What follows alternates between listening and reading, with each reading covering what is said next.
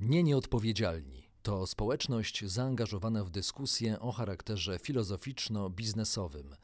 Naszym celem jest uwrażliwienie ludzi biznesu i nas, obywateli, użytkowników tego świata, na różne aspekty odpowiedzialności. Zapraszamy na spotkanie z kolejnym autorytetem, który pomaga zrozumieć i zmieniać siebie, a także rzeczywistość na lepsze.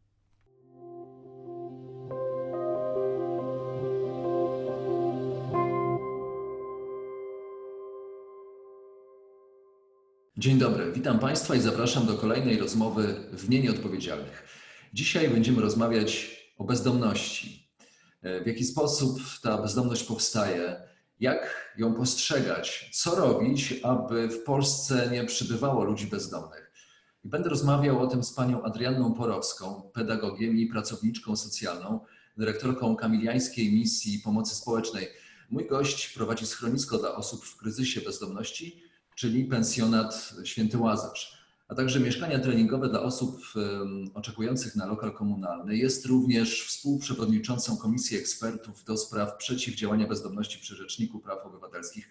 Pani Adriano, bardzo dziękuję za to, że dołącza Pani do nas. Dzień dobry, witam Państwa serdecznie. Jaka jest różnica w znaczeniu stojącym za takimi stwierdzeniami, takimi wyrażeniami jak osoba bezdomna, a osoba w kryzysie bezdomności? Czy powinniśmy na to zwracać uwagę? Jeśli tak, to dlaczego? No dlatego, że słowa są w ogóle bardzo ważne. Ja mówię zamiennie osoby w kryzysie bezdomności albo osoby doświadczające bezdomności. Jeśli mówię kryzys, to podkreślam to, co się dzieje w życiu tego człowieka, ale podkreślam też to, że to ma swój początek i ma swój koniec. To jest bardzo mm, silna emocja, y, jeśli ktoś traci dach nad głową i takie poczucie bezpieczeństwa, i to ma to też pokazywać. Ja w ogóle jestem zwolennikiem twierdzenia, nie ma bezdomności z wyboru. Ja przez wszystkie lata, kiedy pomagam osobom w kryzysie bezdomności, nie spotkałam nigdy nikogo, kto by powiedział, że wybrał bezdomność. Owszem, są osoby, które spędzają czas w przestrzeni publicznej, nie korzystują z pomocy instytucjonalnej, ale to oznacza, że one ten kryzys chcą przeżyć w ten sposób, w jaki sobie wyznaczyły, a nie e, wybrały bezdomność. A co wiemy w ogóle o bezdomności w Polsce? Może spróbujmy zaznaczyć e, no takie, takie podstawowe wyznaczniki jak ilość osób bezdomnych, czy dotyczy to dużych e, aglomeracji, czy mniejszych miast, czy takie osoby również spotyka się w, miejscowościach na wsiach? Jeśli chodzi o skalę, to jedyne badania, jakie mamy, to są badania Ministerstwa Rodziny, Pracy i Polityki Społecznej. Są one przeprowadzane co dwa lata, mniej więcej E, zimą, czyli w lutym. I one polegają na tym, że jednego dnia, jednej nocy mm, stara się policzyć osoby w kryzysie bezdomności. Właściwie to jest dana o tym, do ilu osób udało się dotrzeć. To nie jest prawdziwa liczba osób w kryzysie bezdomności, dlatego że w większości, jak spojrzymy nawet na strukturę, w jaki sposób jest to mm, badanie robione, to tam największy odsetek będą stanowiły osoby, które są w instytucjach, które zdecydowanie najłatwiej jest policzyć, bo to jest po prostu pytanie do organizacji, ile konkretnego dnia przybywało osób. Najtrudniej oczywiście dotrzeć jest do osób w przestrzeni publicznej, no bo one po prostu się przemieszczają. Drugą, e, kolejną trudnością na pewno będzie dotarcie do tych wszystkich osób, które czasowo przebywają gdzieś, bo trzeba pamiętać o tym, że ten kryzys bezdomności ma też to do siebie, że są to osoby, które czasowo gdzieś wynajmują mieszkanie, trochę są urodziny, trochę są w placówce, trochę są na ulicy. Ta, ta bezdomność to jest taka niepewność mieszkaniowa, która ma bardzo różne fazy. W Polsce szacuje się tą bezdomność na około 30 tysięcy. I jak możemy się domyślać, właściwie żadnej partii rządzącej nie zależy na tym, aby pokazać prawdziwą skalę bezdomności, bo często byłaby obarczona ta, ta, ta partia tym, że właśnie za jej czasów wzrosła liczba bezdomności. To jest absolutnie nieprawdą. Zresztą ta definicja bezdomności, na podstawie której liczona jest ta, ta skala, jest bardzo zawężona, bo ona na przykład nie obejmuje osób, które są w mieszkaniach treningowych. E, a to też jest miejsce, w którym nie ma stałego pobytu, z którego bardzo często te osoby wracają z powrotem do schroniska, a czasami wręcz na ulicę. Czy dużo jest mieszkań treningowych w Polsce? To nie tylko chodzi o te, którymi Pani zarządza, czy, czy nie się opiekuje. No Właśnie cały problem polega na tym, że tu znowu jest problem definicyjny, bo będziemy mieli do, do czynienia i z mieszkaniami treningowymi, i mieszkaniami chronionymi, i mieszkaniami wspieranymi. Jest taki galimatias e, definicyjny. Generalnie chodzi o takie miejsca przejściowe, w których są osoby między powiedzmy placówką, a otrzymaniem własnego lokalu zasobów gminy, czy to lokalu socjalnego, komunalnego, czy, e, czy, e, czy innego. E, Tych mieszkań na pewno nie ma e, dużo, w samej Warszawie jest ich niewiele. My prowadzimy mieszkania treningowe od 2012 roku i to były jedne z pierwszych mieszkań. Zresztą one są dosyć wyjątkowe, bo to są mieszkania treningowe. E, Wynajmujemy mieszkania na wolnym rynku, w przestrzeni publicznej od prywatnych osób. Organizacja wynajmuje mieszkania, podnajmuje je e, osobom doświadczającym bezdomności które czekają właśnie na lokal socjalny czy komunalny. Wynikało to z bardzo prostego założenia. Myśmy doszli do wniosku, że skoro człowiek pracuje i może mieszkać e, samodzielnie i samodzielnie swoje potrzeby zaspokajać, no to należy to po prostu mu ułatwić. Zwalniamy wtedy miejsca w schronisku dla innych osób, które ba- m, większej opieki, wsparcia potrzebują, ale to też wynikało z faktu, że mm, w Polsce ten rynek mieszkaniowy jest szalenie trudny. Po prostu są mieszkania drogie, także na wynajem. I osoby, którym ja pomagam, to są osoby, które zarabiają niewiele i e, właściwie całą wypłatę oddają na wynajem. Oprócz tego to jest taki klient, e, zazwyczaj to są osoby powyżej 50 roku życia, którym ciężko jest wynająć mieszkanie, a tu powodujemy, żeby tam miesięcznie ten koszt razem z rachunkami nie był wyższy niż 600 zł. I te osoby, y, my tak na dobrą sprawę wtedy dopiero zauważamy deficyty, jakie te osoby mają. Trzeba pamiętać, że to są różni ludzie. To są osoby, które na przykład mieliśmy pana, który 10 lat przebywał w szpitalu psychiatrycznym, mieliśmy pana, który wyszedł y, po zakładzie karnym też powyżej 10 lat. Mieliśmy osoby, które bardzo długo przebywały w przestrzeni publicznej i mm, można powiedzieć, że uczymy ich po pierwsze odpowiedzialności e, za mienie, m, w którym przebywają, e, regularnego płacenia rachunków, ale i sprzątania, ale i też umiejętności porozumiewania się z współmieszkańcami, czy, czy po prostu ludźmi w, w tym bloku, czy w tym mieszkaniu. Ci ludzie uczą się też takiego życia poza instytucją. Czasami bywa tak, że przyjeżdża po prostu, przychodzi ktoś do nas, kto całe życie właściwie spędził e, w domu dziecka albo później w zakładzie poprawczym czy zakładzie karnym i tak na dobrą sprawę samodzielnie nie decydował o wielu rzeczach. A tu trzeba zdecydować, co zrobić skromnym budżetem finansowym, jak go zagospodarować, żeby płacić e, regularnie e, rachunki. To po prostu musi być w krew. To wszystko, co my mamy mm, wpajane powiedzmy od, od rodziców, od, od dzieciństwa, to my czasami uczymy po prostu w ten sposób funkcjonowania dorosłych ludzi. Wspomniała Pani o tym, że szacunkowo w Polsce mamy 30 tysięcy osób y, w kryzysie bezdomności i z pewnością jest tak, że e, gdyby zapytać każdą z tych 30 tysięcy osób, jak to się stało, to byłaby osobna historia. E, Trudno tutaj jakąś uniwersalność, e, chociaż możliwe jednak, że są jakieś podobne ścieżki, można wskazać podobieństwa, w jaki sposób prowadzi mm, los, czy, czy zdarzenia zewnętrzne, prawda, czy jakieś cechy charakterologiczne prowadzą człowieka do tego, że no właśnie, znajdzie się w sytuacji, w której nie ma poczucia bezpieczeństwa, tej podstawowej mm, zapewnionej mm, potrzeby poczucia bezpieczeństwa, czyli, czyli dachu nad głową. E, Czyli jak to jest, że ktoś zostaje osobą bezdomną, czy też wchodzi w kryzys bezdomności? Myślę, że taką ważną daną jest to, że 80% to są jednak mężczyźni, e, 20% stanowią e, kobiety.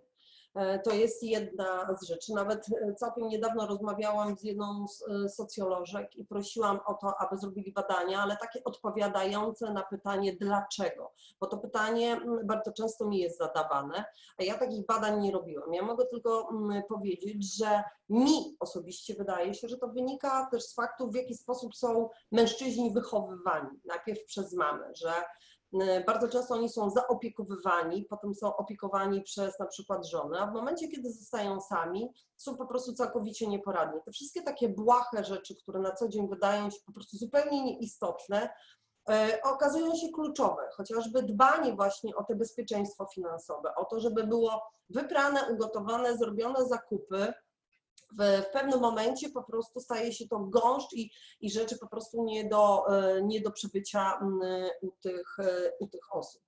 Na pewno nie można wskazać jednej ścieżki wejścia w bezdomność, ale są takie rzeczy, które powodują, że jest sporo osób w kryzysie bezdomności. Po pierwsze, na pewno niestabilny rynek pracy.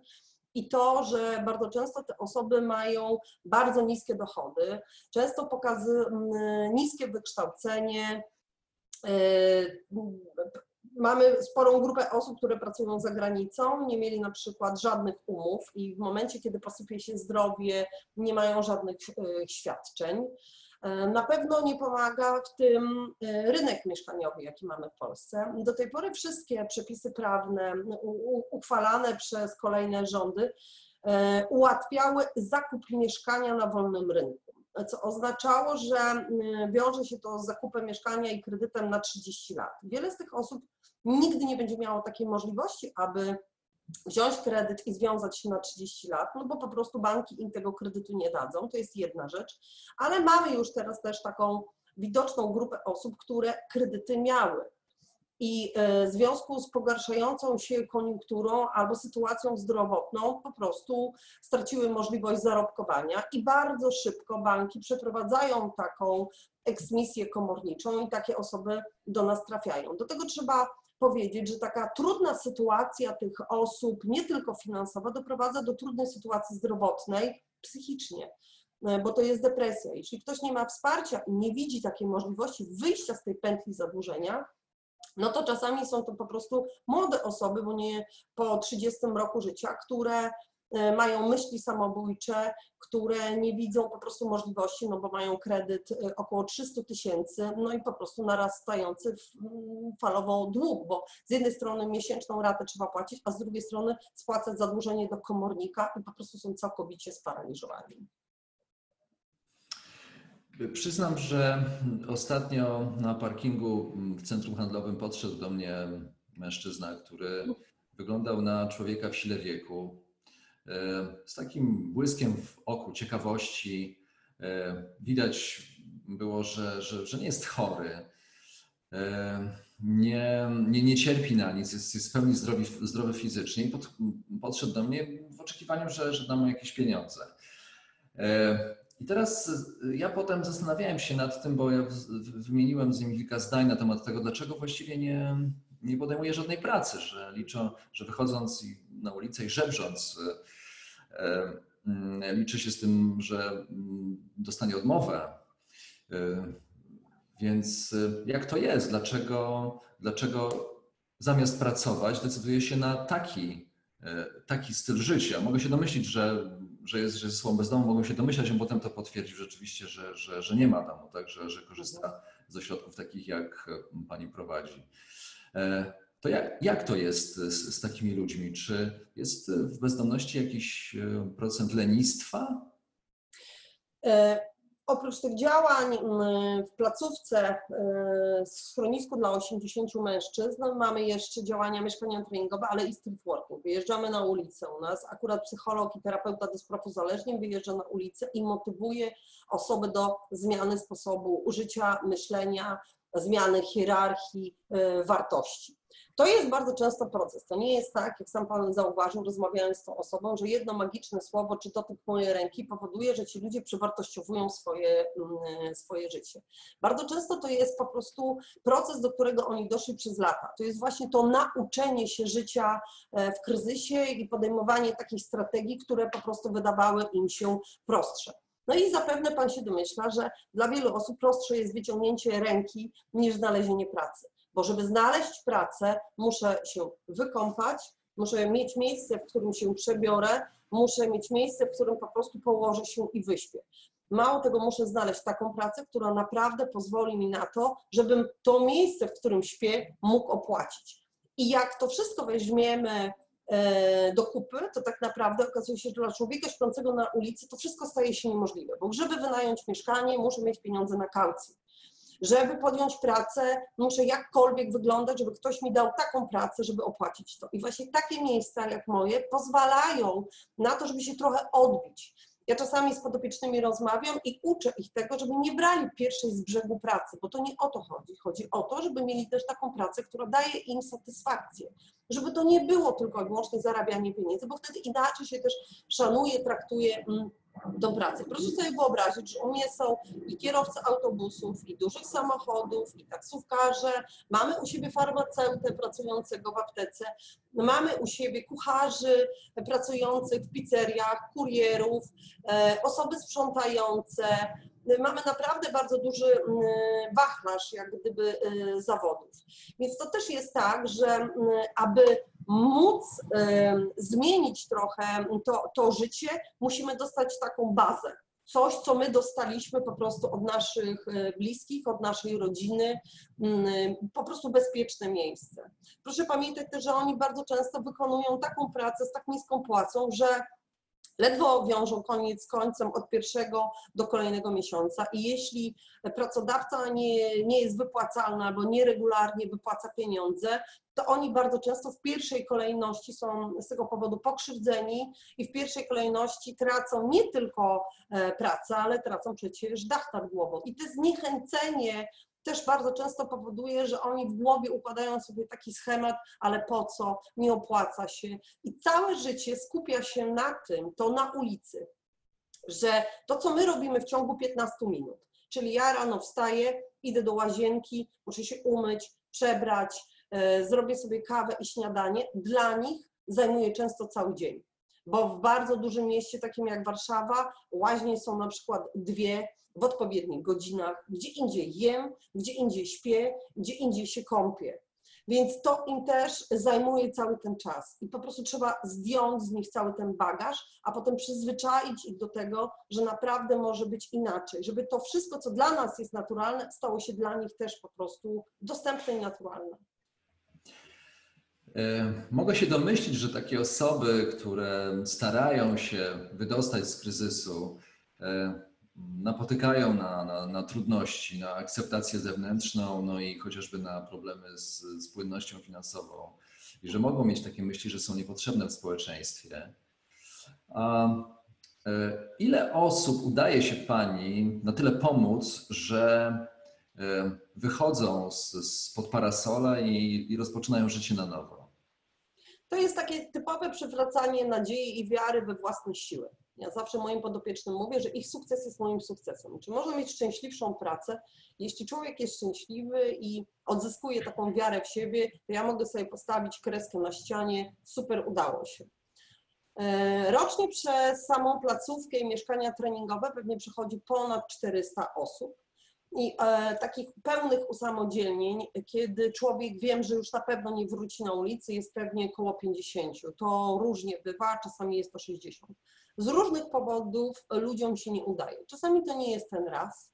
Czasami potrzebują trochę więcej czasu, żeby skończyć terapię, na przykład alkoholową i, i zrozumieć y, chorobę, jaka nimi powoduje. Czasami są to uzależnienia od narkotyków. U młodych ludzi bardzo często jest to uzależnienie od dopalaczy.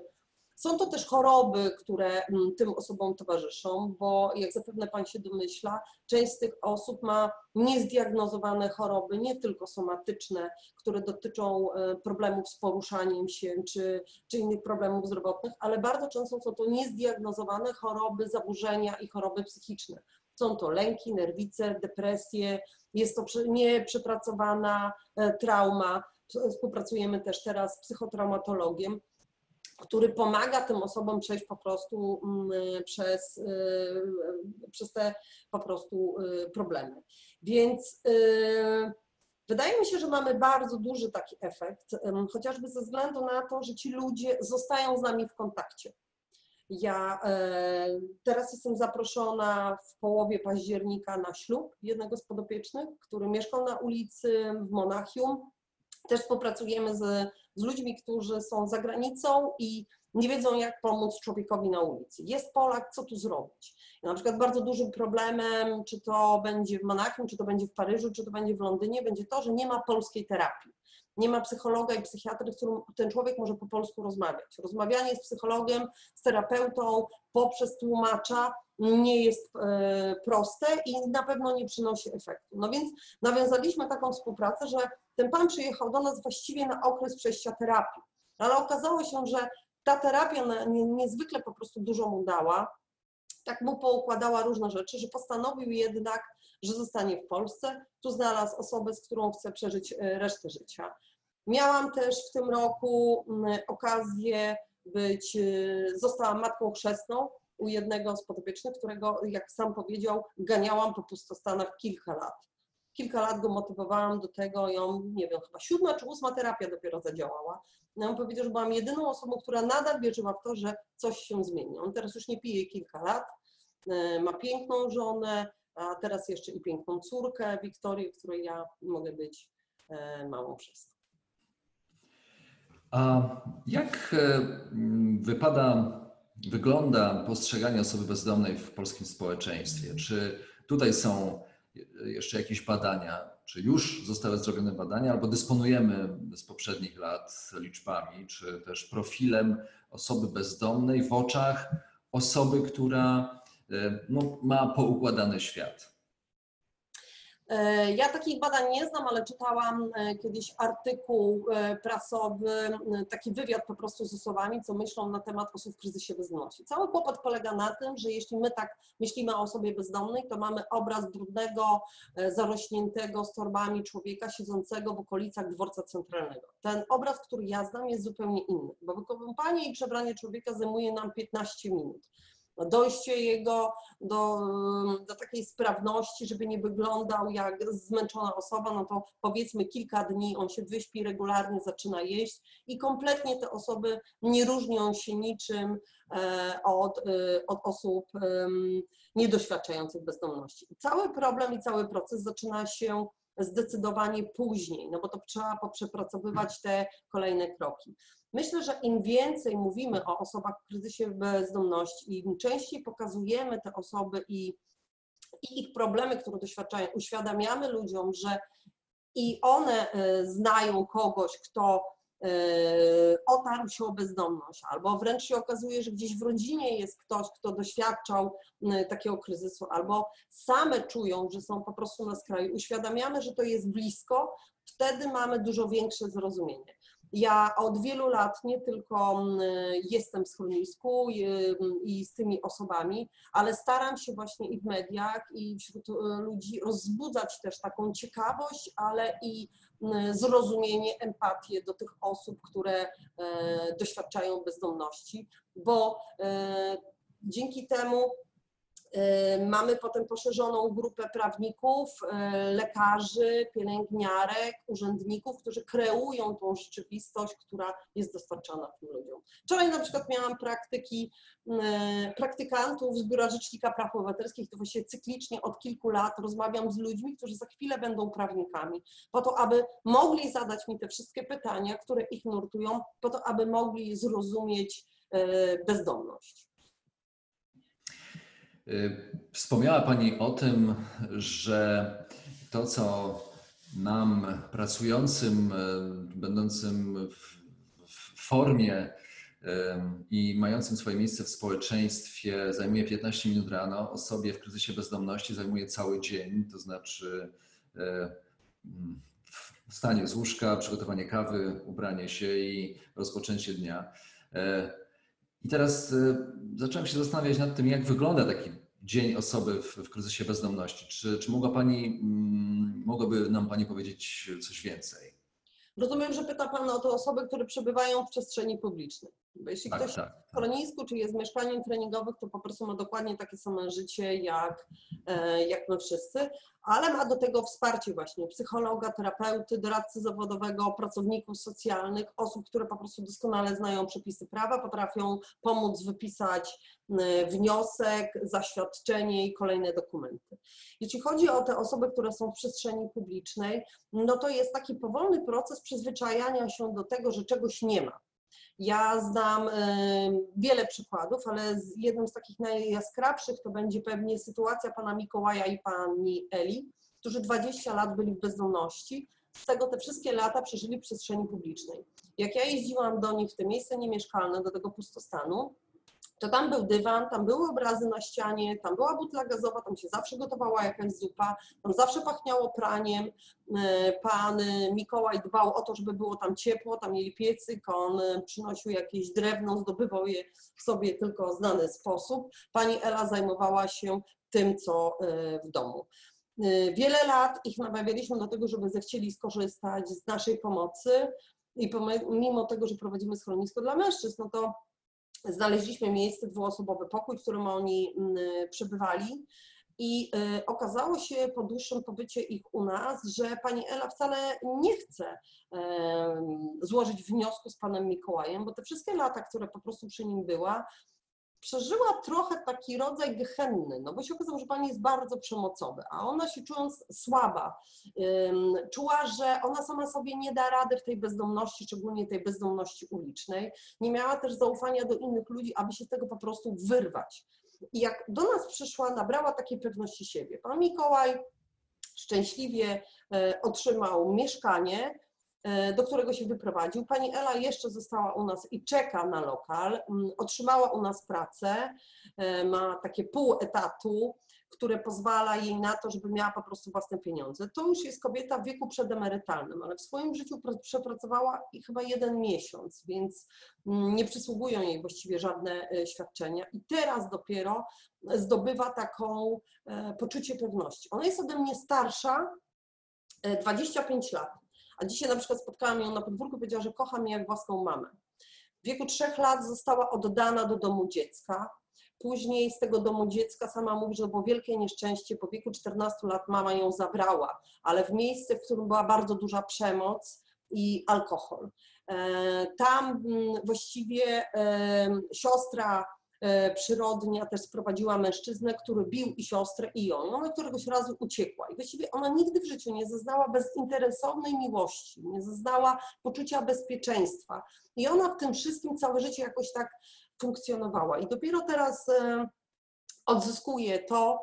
E, więc jak mnie Pan pyta też o efekty naszej pracy, to bardzo często efektem mojej pracy jest jeden dzień normalności. Nawet gdyby to miał być jeden dzień przed śmiercią, to człowiek umiera czystym łóżku, w pełnym szacunku, e, przy ludziach, którzy akceptują.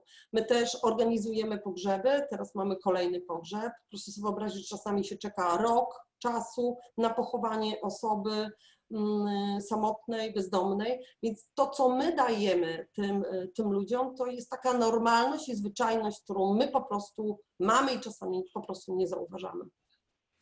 Czy e, powinniśmy budować sobie takie proste skojarzenia, że osoba w kryzysie bezdomności to mm, jest alkoholik, czy to jest alkoholiczka?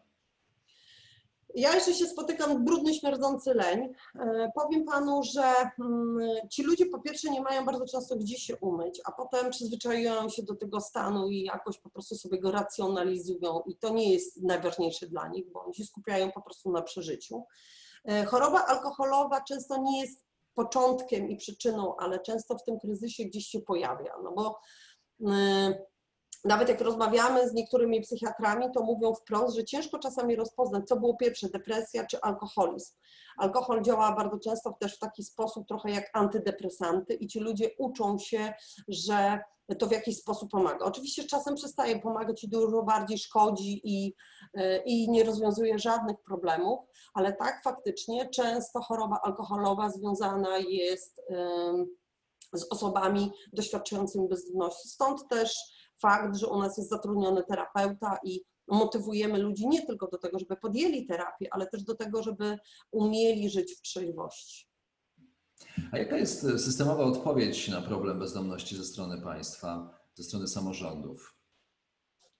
Kłopot polega na tym, że ja od wielu lat y, mówię, że jeśli wiadomo, że w gminie jest na przykład 2700 osób w kryzysie bezdomności, bo jakieś badania mamy, to powinniśmy sprawdzić, kim są te osoby, w jakim one są wieku, bo przecież też mamy do czynienia z bardzo młodymi ludźmi, a im się pomoc um, inna jak gdyby e, należy, bo jeśli ma, mówimy o 18-latku i mówimy o 70-latku, to już możemy się domyśleć, że on potrzebuje zupełnie czegoś innego. Jeśli wiemy, ilu jest kobiet, ile jest mężczyzn, ile osób jest w związkach i potrzebuje takiej pomocy, to jest jedna rzecz. Drugą rzeczą na pewno byłoby to, że musimy wiedzieć w związku z powyższym, ile osób jest w przestrzeni publicznej i potrzebuje tej takiej pomocy interwencyjnej, czyli noclegowni, ogrzewalni i łaźni, a ile osób jest takich, które zechciałyby i potrafią już skorzystać z pomocy placówkowej, tak jak schroniska, a ile jest osób chorych i potrzebuje schronić z usługami opiekuńczymi, a ile jest takich osób, które mogą wrócić na rynek pracy i pójdą do mieszkań treningowych. No i niestety takiego myślenia tak na dobrą sprawę nie ma to jest można powiedzieć freestyla w każdej gminie, po prostu co się uda, e, to to jest. Mało tego, bardzo często organizacje pozarządowe, bo jednak w 90% w Polsce bezdomnością zajmują się organizacje pozarządowe, wcale nie są mile widziane bo wielu osobom się wydaje, że tam, gdzie powstanie łaźnia i ogrzewalnia i noclegownia, to powstaje kłopot ale przecież to nie my rodzimy te osoby, po prostu stwarzamy miejsce na to, żeby tym ludziom pomóc i co mm, często spotykamy takie artykuły, w których ludzie po prostu nie chcą, żeby w ich pobliżu znajdowało się e, takie miejsce. Jedno z najdziwniejszych rzeczy, którą ostatnio przeczytałam w mediach, było to, że pan Powiedział, że nie chce, żeby się organizacja mm, bezdomnościowa znajdowała w pobliżu działalności, którą on prowadzi, bo tam właśnie przychodzą osoby bezdomne i obsikują e, teren. A w ogóle to sobie nie życzy, żeby tam stał toj toj to przecież organizacja chciała w jakiś sposób zorganizować, no bo przecież to są takie proste rzeczy. Naprawdę nawet my, przechodząc przez centrum miasta, czasami mamy problem z tym, żeby pójść do toalety, a powiedzmy, jeśli ktoś nie ma dwóch złotych albo wygląda na osobę zaniedbaną, to nie wejdzie do centrum handlowego, nie wejdzie do restauracji. Więc to są takie bardzo proste mm, rzeczy, które powinny być załatwione. Dla mnie to jest kwestia szacunku też do włodarzy gmin i y, ich szacunku po prostu do obywateli. I do tych, którzy nie mają gdzie skorzystać z pomocy, i do tych, którzy tuż obok mieszkają. Jeszcze tylko dopytam o y, kryzys bezdomności wśród młodych albo wśród tych, którzy y, doświadczyli pewnego standardu życiowego, bo wzięli kredyt, mieli duże mieszkania. Możemy się domyśleć, że chodzi o kredyt frankowy. Czy takich osób przybywa? Tak, zauważyliśmy ostatnio, że jest coraz więcej osób e, młodych. E, jest taka organizacja, nazywa się Podróbie. Prowadzi ją pani Agnieszka Sikora i warto się zapoznać z danymi, które oni przedstawiają. Właściwie to było też zjawisko, które do tej pory nie było kompletnie badane. Dlatego, że osoby młode trochę inaczej e, organizują sobie życie. To znaczy one mają jakąś grupę osób, u których mogą przez chwilę przenocować, gdzieś tam chwilowo e, na, na, na kanapie e, u kolegi. Więc ta bezdomność powiedzmy, że jest ukryta, jej tak po prostu nie widać. Zresztą to są osoby, które jeszcze o siebie dbają, więc jeśli je zobaczymy w przestrzeni publicznej, to kompletnie się nie zorientujemy, że to jest osoba, która doświadcza bezdomności. Ona dopiero wchodzi w ten świat bezdomności. Ja mam u siebie na przykład w tej chwili w placówce pana, który ma 33 lata i który czeka na dom pomocy społecznej. A w wieku 19 lat pierwsze co go spotkało to był zakład karny 11 lat, a potem były mm, inne mm, depresje, brak pracy, problemy mieszkaniowe, podjął próbę samobójczą i y, przez tą próbę samobójczą stało się tak, że jego umysł właściwie nie funkcjonuje prawidłowo do tego stopnia, że wykonuje tylko i wyłącznie proste czynności, rozumie tylko i wyłącznie proste komunikaty. Więc wydaje mi się, że gdyby ktoś wszedł w to środowisko wiele lat wcześniej i podał mu rękę i pokazał, że jest szansa, jest nadzieja i postawił go tak, powiedzmy, psychicznie do pionu, to on byłby w zupełnie innej sytuacji. I to staram się też ludziom pokazywać, że niepomaganie bardzo dużo nas wszystkich kosztuje.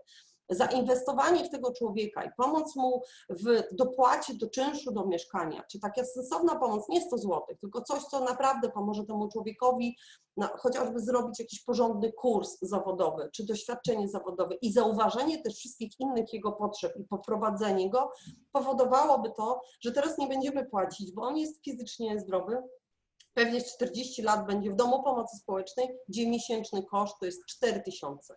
Gdyby był system mieszkań wspierany, kosztowałoby nas to mniej, a on funkcjonowałby po prostu razem z nami. Ten wgląd w kryzys bezdomności, który Pani nam dzisiaj przedstawiła, e, jest swego rodzaju wstrząsem, przynajmniej ja tak go odbieram. Zastanawiam się nad tym, w jaki sposób Pani radzi sobie jako osoba, osobowość, z tym, co Pani widzi, co Pani spotyka, z jakimi historiami się spotyka.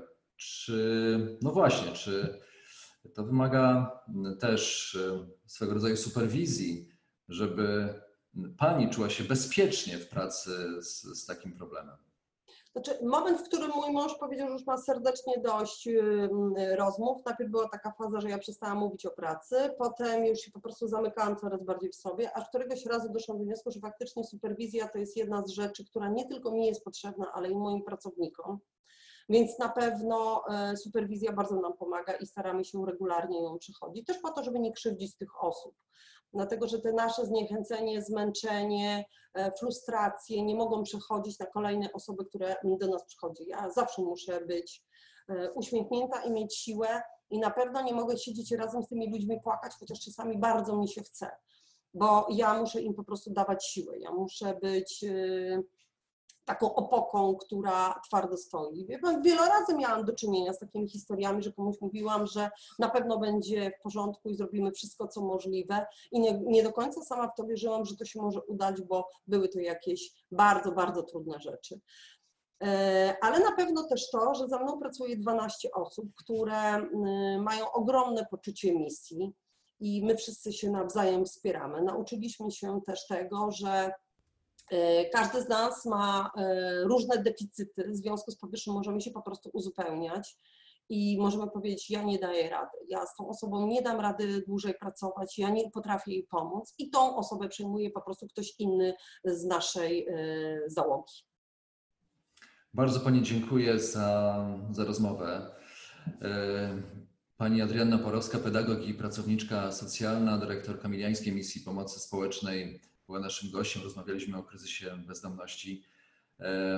Życzę Pani no, mnóstwa energii i, i tej umiejętności wyskakiwania ponad sytuację, aby z jeszcze większą korzyścią pracować na rzecz e, osób w, kryzysie bezdomności. Jeszcze proszę nam powiedzieć, w jaki sposób możemy pomóc Pani, Pani ośrodkowi.